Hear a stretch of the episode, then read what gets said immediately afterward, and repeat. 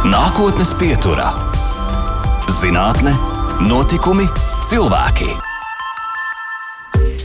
Labvakar, nākotnes pieturā studijā Baiba. Pūkstens rādā nedaudz pār septiņiem vakarā. Un, ja maija mēnesī mēs svinējām muzeju un baznīcu nakti jūnijā, gada īsāko nakti un septembra sākumā balto nakti, tad septembra nogalē visā Eiropā jau 18. reizi norisinās zinātnieku nakts, kas ik gadu pulcē pusotru miljonu zinātnes sasniegumus, inovācijas, tehnoloģijas, rezultātus un pētniecības procesus izzināt augstošos un dod iespēju ielūkoties zinātnes aizkulisēs, tikties ar pētniekiem, doties ekskursijās, skatīties šovus, piedalīties eksperimentos un diskusijās. Rīt, piekdien, 29. septembrī, arī apmeklētājiem savas durvis vērs Universitātes institūta pētniecības un izziņas centri visā Latvijā. Bet zinātnieku nakts priekšvakarā nākotnes pieturā viesojas zinātniece, kuras ikdiena ir Zviedrija, bet Latvija svētki.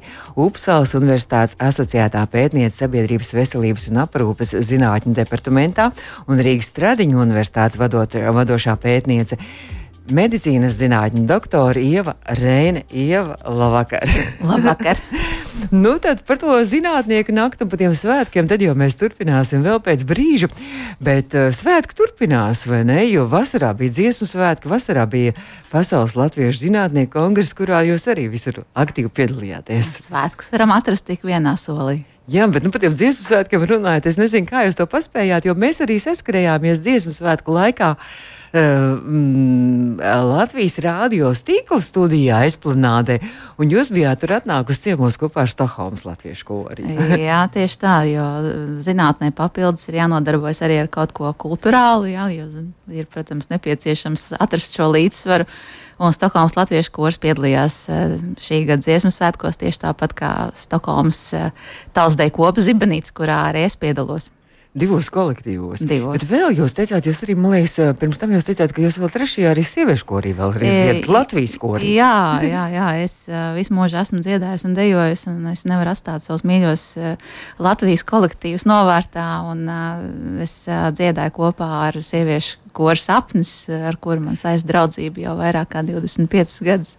Nu, tad dziesmu svētki bija tā, tā rīktīgs tāds maratons, pat nezinu, kā to visu var paspēt, jo tikai tie, kas korī vien vai deju kolektīvā vien, tie jau teica, ka nezinu, kā var to visu paspēt. Nu, ir jūs... pieredze, ir pieredze daudzus gadu desmitu laikā, kā to visu var paspēt. Un arī jūs meitiņas arī Stokholmas uh, korī vai deju kolektīvā? Jā, es uh, patiešām esmu ļoti priecīga un lepojos, ka manas meitas arī ir pārņēmušas uh, manas intereses un cerams, ka turpinās ilgtermiņā, jo abas divas dejo un uh, ir arī iemēģinājušas mēģinājušas dziedāšanu koru mūzikā. Fantastiski. Un koru mūzikā jūs jau teicāt, jums ir liela pieredze. Jūs dzinterā esat dziedājis arī savu laiku, arī Latvijas slavenāk. Jā, jā, jā, savu laiku tāda pieredze bija, un tā tiešām ir bijis brīnišķīga. Savu arī... laiku Ausmas Darkevicas vadībā. Oh, fantastiski. Un arī dejojas arī Latvijā. E, jā, es teikšu tā, ka mūs joprojām saist cieša draudzība ar tausdeju e, ansamblī Līgo, ar kuriem e, es esmu saistīta kopš 1980. 86. gada. Uh, jā, un mhm. ar Jānu Purviņu savulaik dejojām kopā, un pēc tam esmu dejojusi gan pie viņa, gan arī esam uh, kopīgi veidojuši dažādus projektus un draudzējušies uh, Stokholmā.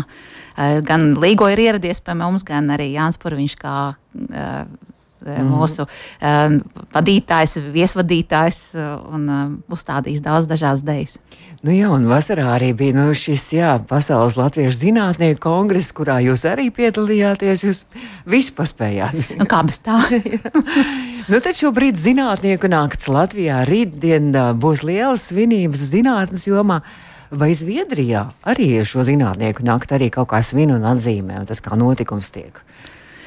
Es neesmu pati piedalījusies. Iespējams, ka ir kaut kāda līdzīga aktivitāte, bet ne tik plaša kā Latvijā. Latvijā tomēr Eh, zinātnieki tiek eh, personīgi uzrunāti. Arī es, es, es esmu piedalījies zinātnieku naktī pirms pāris gadiem un prezentējis savu pētījumu rezultātus eh, ļoti tādā interesantā formā. Man šķiet, ka mūsu Latvijas zinātnieku nakts ir ar pavisam tādu inovatīvu un ļoti attraktīvu piesitienu. Mm. Savādāk nekā citās Eiropas valstīs Jā, varētu arī būt. Šobrīd jūs esat ieradusies un jums tāds lekciju maratons laikam Stradīna universitātē. Jā, tieši tā, jo mums ir tikko iesākta jauna maģistrantūras eh, studiju programma biostatistikā, un uh, mums ir pirmo reizi jaunajā programmā studenti, un uh, es esmu viņus tagad ar, ar milzīgu nožēlu pēdējo stundu palaidusi vaļā, ka es nevarēju viņiem turpināt uh, vadīt nodarbību, bet viņiem ir iedos darbs. Bet uh, šī ir jauna programma. Mēs tiešām ceram, ka Covid ietekmē būs uh, savs zināms pozitīvais iznākums, ka cilvēkiem šī joma ir ieinteresējusi, un viņi tiešām pievērsīsies uh, biostatistikai statistikai, statistikai, vispār tādām veselības un dabas zinātnēm vairāk. Ja, tad, tad mini lekcija mūsu klausītājiem, kas ir biostatistika? Nu, biostatistika ietver ļoti daudz dažādas uh, apakšnozares, uh, kas uh, varbūt saistīts gan ar epidemioloģiju, ja, tā, tā ir zināšanas par dažādu slimību izplatību, novēršanu, gan arī par sabiedrības veselības jautājumiem plašākā nozīmē. Tā ir vispārējās zināšanas par statistiku, ja ir jāmāk tomēr veikt aprēķinus, un tas ir no svara, kāda veida metodas mēs pielietojam, lai mēs pareizi varētu izvērtēt pieejamos datus vai tos pat iegūt savā ziņā pareizā veidā un pielietot pareizās metodas, lai izdarītu pareizos secinājumus. Nu, šī ir tā joma, kas jūs jau arī Zviedrijā ir interesējusi laikam kopš mācību arī beigām, kurā jūs papildināt visu laiku zinā, zināšanas un arī pētījums veicat sabiedrības labklājību, veselību. Jā, protams, ka ir tā, tas plašais spektrs tām interesēm, kas man ir vadījušas sākot jau no Latvijas studiju laiku līdz Zviedrijai, un tā ir sabiedrības veselība. Nu, man arī ir psiholoģijas pamat izglītība, arī maģistra grāts. Līdz ar to šīs zināšanas ļoti cieši saistās kopā un pētot sabiedrības attīstību, dažādus fenomenus, kas ir saistīti gan ar sabiedrības transformāciju, demogrāfiskiem procesiem, ar krīžu ietekmēm un tam līdzīgi. Tas viss ļoti nodara, lai izprastu dažādu fenomenu ietekmi uz mūsu sabiedrību un arī izmantojot tās pašas statistiskās metodas, prognozētu iespējamos scenārijus. Mm -hmm. Pavisam nesen jūs vēl arī paguvāt, paspējāt aizbraukt arī uz Īslandu. Es saprotu, ka tas ir trīs valstu kopīgs arī pētījums, kurš šobrīd aktuāls joprojām ir arī. Ja? Jā, mums ir fantastiski interesanti pētījumi gan Latvijā, gan arī ar starptautiskiem sadarbības partneriem. Patiesībā sakot, tas nav tikai viens sadarbības projekts, mums ir vairāki ar Islandi. Viens no tiem ir bilaterālais, jeb starpvalstu sadarbības projekts, kas ir saistīts tieši ar novecošanas jautājumu izpēti un dažādu faktoru ietekmi uz gados vecākiem cilvēkiem, ņemot vērā arī Covid-19 izraisītās sekas. Un, jā, mēs tikko esam pabeiguši projekta realizāciju, esam publicējuši arī atsevišķus rakstus un esam ļoti apmierināti par to, ka dažādas datu bāzes ir iespējams bijis Eh, apkopot un eh, izveidot kopīgus modeļus, lai mēs varētu salīdzināt it kā nesalīdzināmus datus, jo tie nav pilnīgi identiski ja, pētījumā. Un esam varējuši noteikt uh, dažādas uh, Covid-19 ietekmes sekas uz uh, gados vecākām populācijām Latvijā un Islandē. Bet savukārt runājot par Lihtenšteinu un Islandi, mums -hmm. ir mhm. vēl viens projekts, un tas ir mobilitātes projekts, kurā mēs apmaināmies gan ar akadēmisko personālu, gan ar studentiem, gan ar uh, administratīvā personālu. Bet tas arī laikam saistīts ar to veselīgu novecošanos un, un, un dzīves prieku un dzīves kvalitātes uzturēšanu un arī saglabāšanu. Jā, tieši tā. Jo mēs katrs savā valstī vai savā universitātē esam ar tādu varbūt īpašu pieeju šiem jautājumiem. Jo, ja, piemēram, Īslandes Universitātē vairāk ir gerontoloģija, ir sociālās aprūpas jautājumi. Eh, tad eh, Liechtensteinā savukārt mūsu kolēģi strādā ar mikrosimulācijas modeļiem, kas ir vairāk saistīti ar ekonomiskiem jautājumiem. Un uh, vairāk uh, prognozē to, kāds uh, būs cilvēku dzīves līmenis, apmierinātība, dažāda veida nu, teiksim, mm. prognostiskie iznākumi, tad, kad cilvēks aizies pensijā. Latvijā laikam to vispār nedrīkst uzdrošināties prognozēt. Nē, mēs, mēs, mēs tieši to tagad mēģināsim izdarīt, jo mums ir viens projekts, ko mēs esam iesnieguši. Nu, cerams, ka mēs gūsim atbalstu. Bet tieši tas ir viens no jautājumiem, ko mēs vēlētos izpētīt, jo mūsu sabiedrība mainās Latvijā. Mēs arī cieši sadarbosimies ar citām Baltijas valstīm. Un, un, tieši šo metožu aprobāciju un mēģināt mē, iz, izveidot savus modeļus. Ja, jo mm -hmm. mēs uh, strādājam ļoti daudz ar vienu konkrētu datu bāzi, kuru ir uh, Latvijas valsts atbalstījusi ar finansējumu, lai iegūtu datus. Tas ir pētījums par sabiedrības veselību, novecošanos un pensionēšanos Eiropā. Viņš saucās tā kā šāre. Ja? Mm -hmm. un, tās ir 28 Eiropas valsts un Izrēla. Un, es esmu bijusi nacionālā koordinātore pirms tam bija eh, Signa Thompsona un Andrēs Ivanovs, tagad ir Aija Bukau Židaļo, un mēs strādājam ar šiem jautājumiem, un to atbalsta Rīgas Stradiņa universitāte tie tādā praktiskā ziņā. Nu, bet jūs kaut kāds arī pēc tam izdarat eh, kaut kāds secinājums, nu arī rekomendācijas, Jā. kā, kā, kā uzturēt šo, šo visu sabiedrības veselību un tieši novecošanos kaut kā apturēt, palēnināt, varbūt arī saglabāt arī šo darba spēju. Arī, kā gan savādāk, jo nav jau jēga pētīt lietas tāpat, lai, lai nodarbinātu sevi. Loģiski, ka mēs eh, vēlamies eh, sniegt rekomendācijas, un mums ir noteikts plāns, ko mēs vēlamies eh, izpētīt un arī pavēstīt apkārtējai pasaulē. Ar Stoko, ar Upsāles universitāti mums ir arī kopīgs pētījums, kurā mēs tieši pievēršamies jautājumiem par paildzinātu darba dzīvi gados vecākiem cilvēkiem par to, kādi aspekti varētu tikt ņemt vērā, arī likumdošanas izmaiņas. um, piemēram, elastīgs uh, darba uh, režīms uh, ir viens no tiem, arī dažādu vecumu ierobežojumu atcelšanas pasākumi.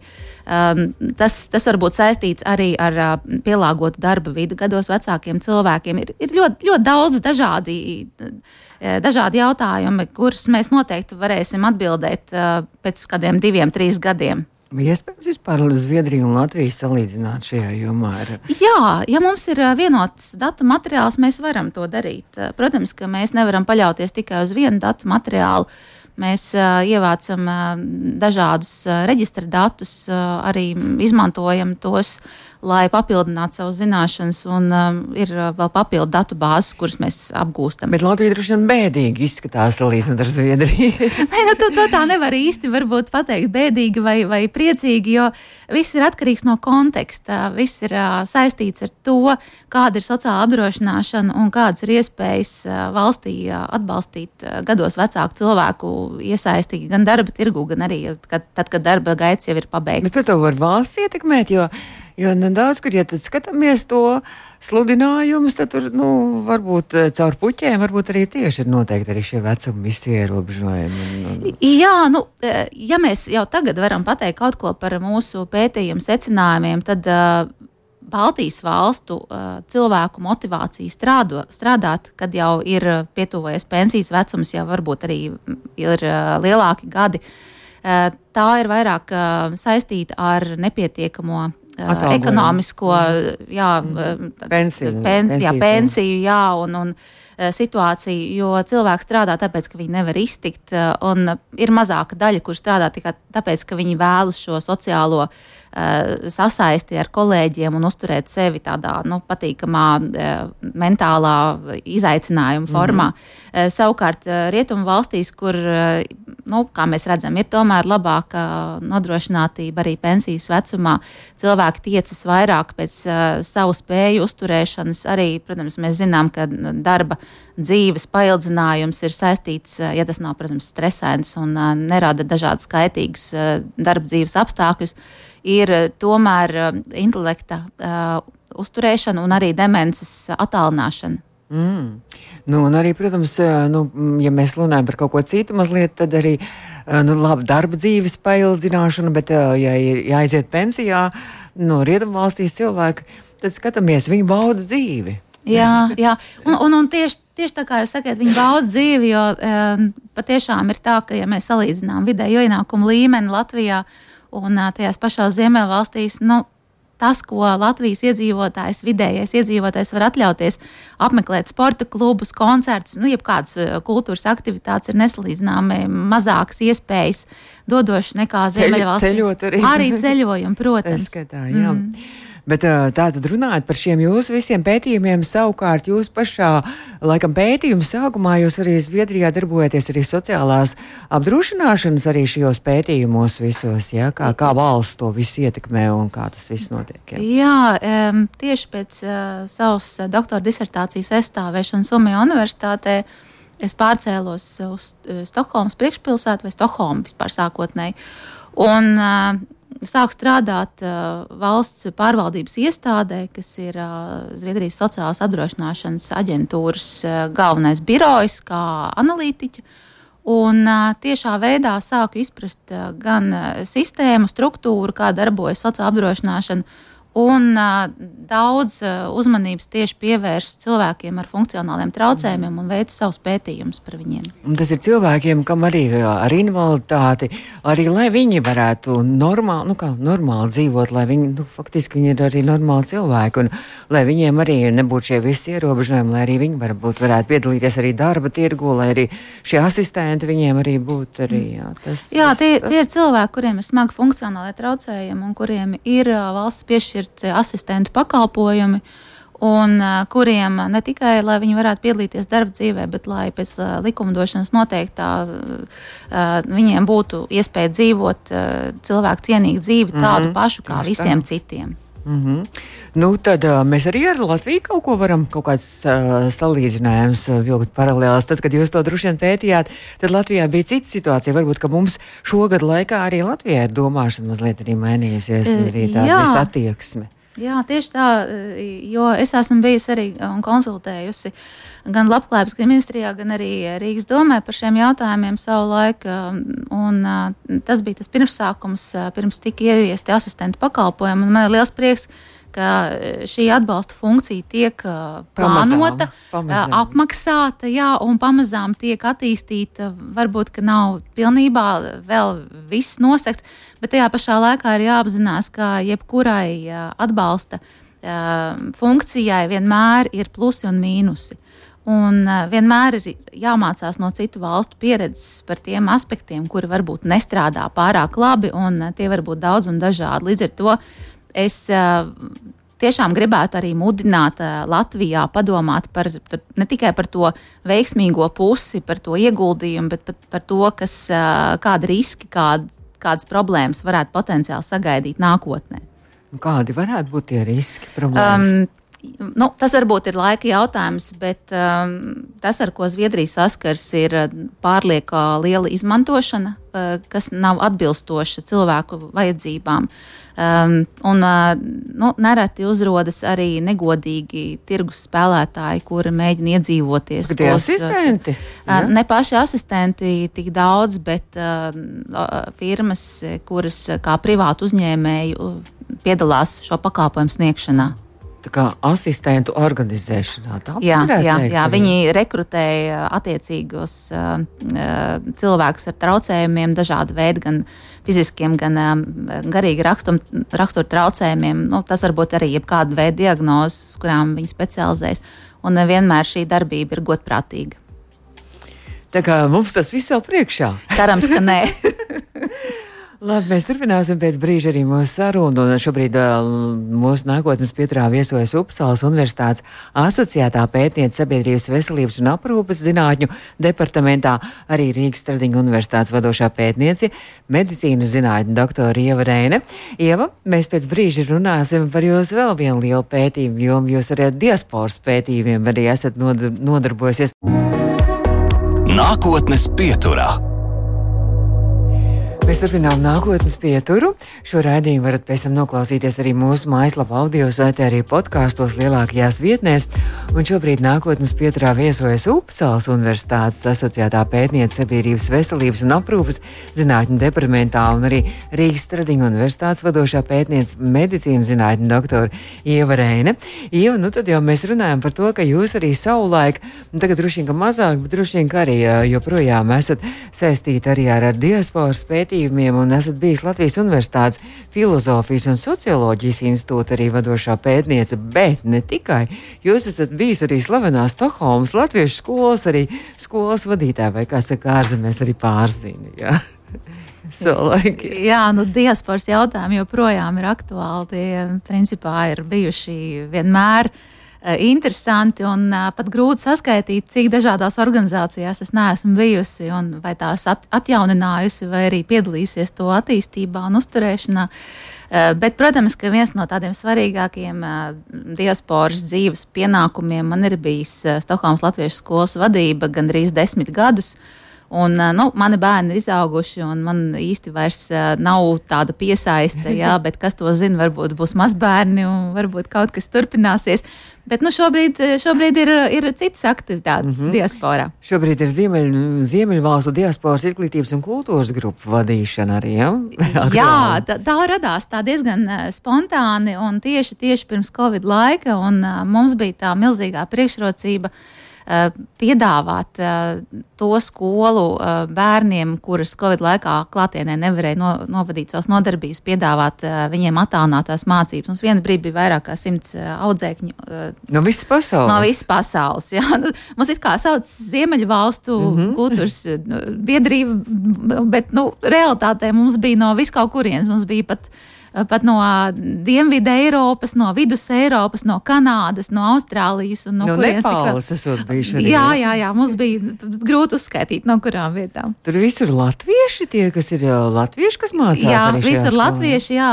Teikšu tā, ka daļa dzīvo pastāvīgi tālu no Latvijas, bet mums ir diezgan tā interesanti izveidojusies sadarbība ar cilvēkiem, kuri vēlas emigrēt, kuri vēlas atgriezties Latvijā. Mm. Un viņi to ir izdarījuši. Un arī tos remigrācijas pētījumus jūs arī esat diezgan tā pamatīgi arī veikusi un arī strīdējusies un pierādījusi un centusies pierādīt arī, kā, kā jūtās remigranti un īpaši arī viņu bērni atgriežoties Latvijā un kā tagad, teiksim, viņam tādu saudzīgāku un tādu patīkamāku to atgriešanos arī padarīt un priecīgāku. Jā, jā nu, tas bija viens no tādiem uh, sākuma soļiem uh, Latvijas Universitātē sadarbībā ar uh, manu uh, kolēģi Intu Mieriņu un arī mēs diezgan daudz pārunājām par to, kā varētu risināt remigrācijas problēmas. Un uh, Daina Gross arī ir ļoti daudz iesaistījusies. Viņa ir nu, daudz, daudz gadu dzīvojusi Austrālijā, tagad Latvijā vairāk uzturas uh, tieši par Latvijas uh, skolām, kuras nav pārāk draudzīgas bijušas uh, remigrējušo bērnu uzņemšanā. Bet tiešām, jo mēs, mēs, mēs tagad uztraucamies par ukrāņu bērniem, Jā. par to, kā viņi jūtās mūsu skolās, bet vai tiešām mūsu paši latviešu bērni atgriežoties? Uh, varbūt viņi vispār nav, nav dzīvojuši šeit Latvijā, nu, bet viņi tomēr vecāki atgriežas, vai viņiem te kaut kādas problēmas. Un... Tā vēsture nemaz nav tik sena par to, ka uzņemt bērnus viņu vecuma līmenī nav bijis īsti iespējams. Jo Latvijas skolas, ja, un arī izglītības zinātnes ministrija, ar kuras mazliet tiešām lauzu šķēpus, kā jūs teicāt, nebija tik vienkārši. Uh, pārliecināt, ka ir iespējams iemācīties valodu, bet nevar ielikt trīs gadus vecāku bērnu klasē, kurā ir daudz jaunāki bērni. Jo tā sociālā vide ir ļoti no svara un arī vispār bērnu attīstība kopumā. Jo valodu var iemācīties ļoti ātri, bet mēs nevaram degradēt bērnu uz daudz zemāku vecuma posmu. Un līdz ar to mēs arī. À, gribēju tā, ka tie, kas atgriežas Latvijā, ir emigranti, viņi, viņi ir zemākā klasē. Viņi iet pie zemākām klasēm, nu, gan pielīdzinot valodas prasmes, gan arī uh, varbūt pielīdzinot uh, citu priekšmetu zināšanas. Mm -hmm. Bet nu, tagad, kā pierādās, tomēr ir labāk salīdzināt vecumus, jā, nevis šīs dažādas prasmes, kuras tiek sagaidītas. Bet, lai to konstatētu, mēs bijām izveidojuši vairākus projektus un pat to sērijas. Uh, sadarbībā ar Sabiedrības integrācijas fondu un uh, Zviedrijas Latviešu apvienību. Un, mēs veicām dažādu veidu izpēti. Mums bija sadarbība ar privātskolu Patnis, kurā mēs bērniem devām iespēju mācīties nedēļu un pēc tam uh, ievācām atsauksmes. Un, un tas bija ļoti interesants projekts. Un, faktiski visi semināri, ko mēs esam noturējuši, ir, ir pierādījuši, ka ir jābūt daudz elastīgākiem pieejām. Mm, tagad tas, tas bija aktuāli, kad jūs par to cīnījāties pirms gadiem, trīs, četriem. Tagad ir situācija mainījusies. Arī. Jā, nu jau gadi 5, 6 būs mm -hmm. pagājuši. Mm -hmm. Situācija ir tiešām mainījusies. Un liels prieks par to. Un arī kaut vai neņemot vērā, ka sākotnēji varbūt bija grūti mm, pierādīt uh, savu pētījumu uh, pareizību, tad tomēr var šobrīd redzēt, ka mūsu uh, darbs nav bijis veltīgs, jo ir daudz lielāka atvērtība un Latvijas uh, puse patiešām cenšas uh, daudz labāk izprast un integrēt uh, atbraucējus. Jūs esat pētījis arī to, kā, kā mūsu nu, migranti, kā mūsu diaspora jūtās arī šajās zemēs, kur viņi ir nonākuši. Arī. Jā, un uh, viens no jautājumiem, protams, ir saistīts ar valodu. Bet valoda ir nu, visam pamatā. Principā visam, kā mēs spējam iejusties svešā vidē, vai mēs spējam komunicēt, vai mēs spējam saņemt pakalpojumus, kuri mums ir nepieciešami, vai mēs varam iesaistīties sabiedriskās aktivitātēs un tam līdzīgi. Un viens no tādiem pētījumiem, ko arī es esmu veikusi arī kopā ar kolēģiem no Latvijas Universitātes, uh, ir par veselības pakalpojumu pieejamību. Un ļoti labi var redzēt, ka tie cilvēki, kuri ir iesakņojušies mītnes zemē, ārpus Latvijas, mm -hmm. daudz labāk ir integrējušies. Un tas jau it kā būtu loģiski, bet viņu veselības stāvoklis ir labāks ne tikai fiziskā, bet arī psihiskā veselība. Un, diemžēl tie, kuri nav piesaistīti konkrētai valstī, bet visu laiku braukā starp valstīm, viņiem šie veselības pašvērtējuma rādītāji ir stipri zemāki. Tie, kas ir kā ceļo, piemēram, no īrijas uz Zviedriju. Uh, tiem, kur... kuriem nav konkrēts piesaistes vietas, mm -hmm. jā, tie ir tādi no, migranti, kuri ir, nu, tādi, kā viņi saka, likvīdi, nu, nevarētu teikt par likviditāti, jā, bet viņi plūstoši. Viņi plūst no vienas valsts uz otru, uz trešo. Varbūt viņi strādā vairākās valstīs. Līdz ar to viņi nesaņem pietiekoši labas veselības aprūpas pakalpojumus nevienā valstī. Mm -hmm. uh, un vēl ko es gribētu piemetināt, ir par. Uh, iepriekš diezgan tādu krasu polēmiku par veselības aprūpas pakalpojumiem tiem cilvēkiem, kas nedzīvo Latvijā un it kā nemaksā nodokļus.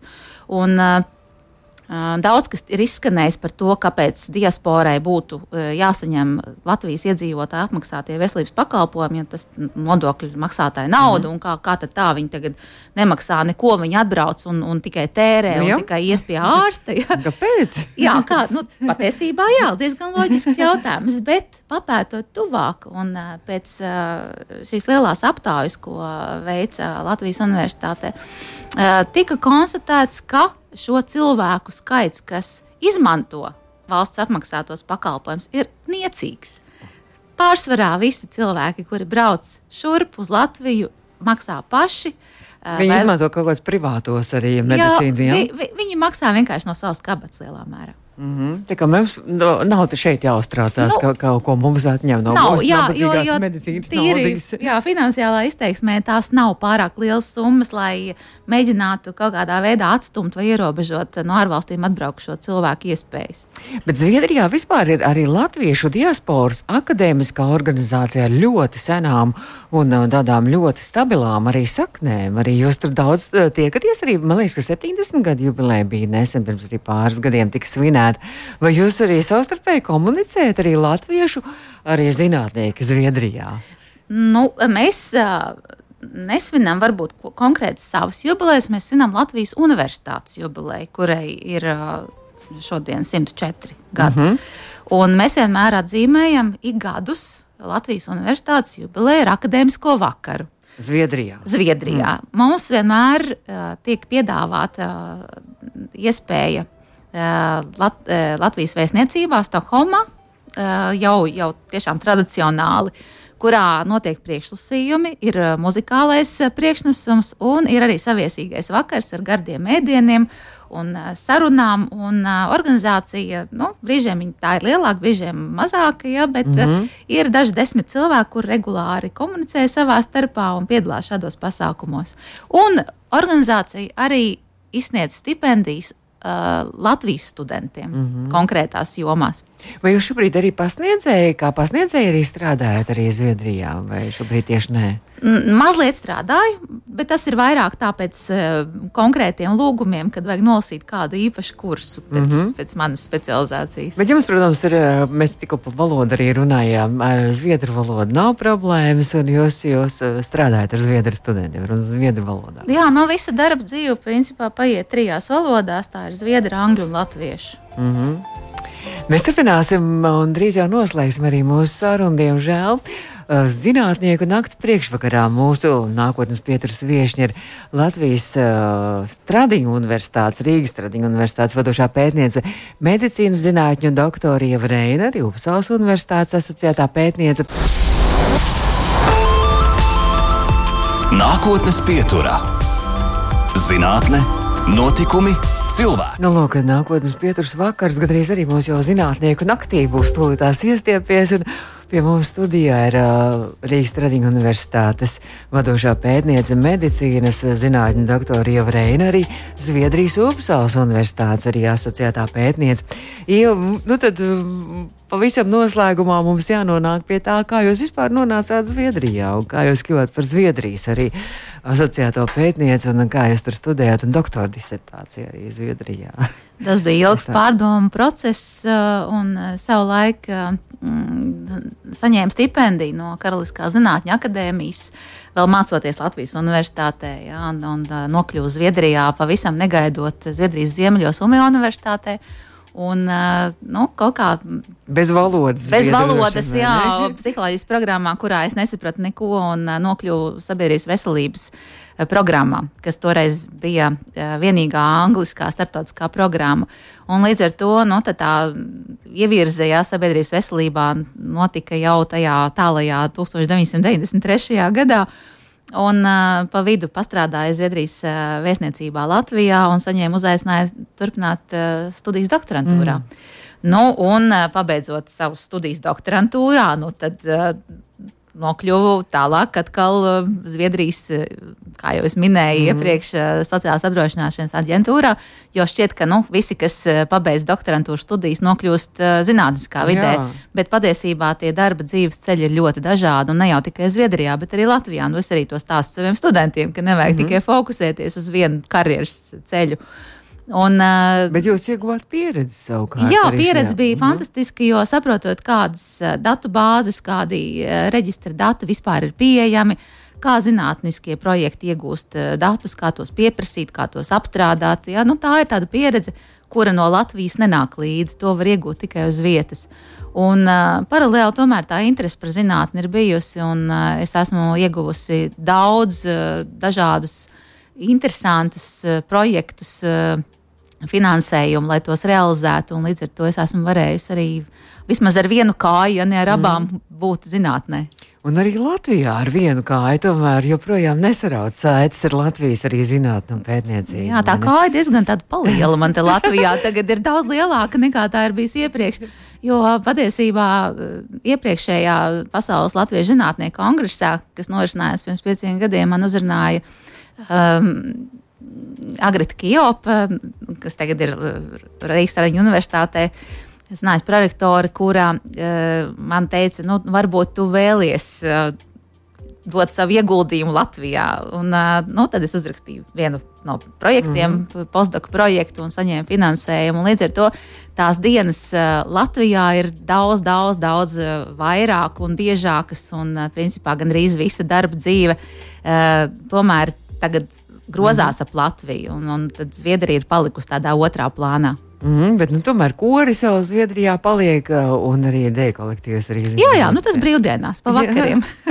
brīvdienās jūs dodaties uz, uz Stokholmu, jā, jā, jā tieši Darbdienās šeit Latvijā, gan arī tā. tā, jā. Tā kā pasaule šobrīd ir zināmā mērā tāda izplatusies, bet tajā pašā laikā pasaule ar vien mazāk paliek, un mēs, mums tas, tas tie attālumi vairs nav šķērslis. Jā, un uh, tieši uh, par šo domu, domāšanas maiņu pēdējos gados uh, jāpateicas, ka uh, pasaule vairs nav uh, tāda dihotoma, ka tu vari dzīvot tikai vai nu vienā vai otrā valstī, ja, ka tu esi vai nu zviedrs vai latviečs, bet tu vari būt viss kaut kas, tu vari dzīvot trijās un piecās un desmit valstīs, mm. vai vispār strādāt un dzīvot uh, digitālā vidē. Un, tas ir devis tādu milzīgu izpratni un arī ieguvumu mūsu sabiedrībai, ka nevajag piespiest cilvēkiem izvēlēties starp melns vai balts, bet ka viņi var būt uh, kaut kas pa vidu vai vairāk drusciņi kaut kādā veidā sevi realizēt vienā vai otrā valstī. Jo daudziem ir grūti pieņemt to lēmumu, pārgriezt visas uh, saiknes, uh, nodedzināt visus tiltus ar savu iepriekšējo mītnes zemi un pateikt, ka viņi tikai veltīs sevi mm -hmm. jaunajai valstī. Bet nu, droši vien arī Um, jūs arī teicāt, pieminējāt, ka bija jums arī covid pētījumi, arī par, bet uh, lai arī cik tas nu, tomēr arī daudz ko negatīvu mums deva, un arī šo visu distancēšanos, un varbūt izstumtības arī sajūta, tomēr arī covid kaut ko, man liekas, arī tā kā mazliet labi varbūt ir darījis tas, ka mēs tos tās, tās robežas nojaucām sakarā ar covid. Mēs, mēs ne, nesājām maskas, bet pazuda arī robežas pateicoties arī internetu un pateicoties dažām tām jaunām tehnoloģijām. Jā, jo īpaši tādēļ, ka cilvēki bija spiesti šīs tehnoloģijas apgūt, tās mm -hmm. tika ieviestas, un es ar lielu prieku skatos, cik labi tās ir nu, iedarbinātas ikdienas režīmā, kad uh, nav vairs tādu problēmu cilvēkiem saprast, kā rīkoties ar tehnoloģijām. Un, uh, tas nojauc ne tikai robežas, bet tas arī dod lielāku iespēju iesaistīties, iekļauties. Jo mm -hmm. e, nu, teiksim, kā ir. Ne visi cilvēki vienmēr spēj piedalīties visās sanāksmēs, nevienmēr viņiem ir laiks izskrēdīt pa dažādām aktivitātēm, semināriem un konferencēm, bet attālinātā dalība ir tā, kur ir pieejama gandrīz visiem. Tā skaitā arī senioriem, ko jūs tā skaitā arī gados vecākiem cilvēkiem. Jā, bet vienīgā problēma tad, ja viņiem šī tehnoloģija vai zināšanas nav pietiekošas. Es saku lielu paldies, laiks mums šausmīgi ātri skrien, un medicīnas zinātņu doktora Ieva Reina šobrīd mūsu studijā. Es saku paldies, un tad lai skaisti rīt zinātnieku nakts, un uz tikšanos kā citreiz. Paldies! Izskan nākotnes pieturā.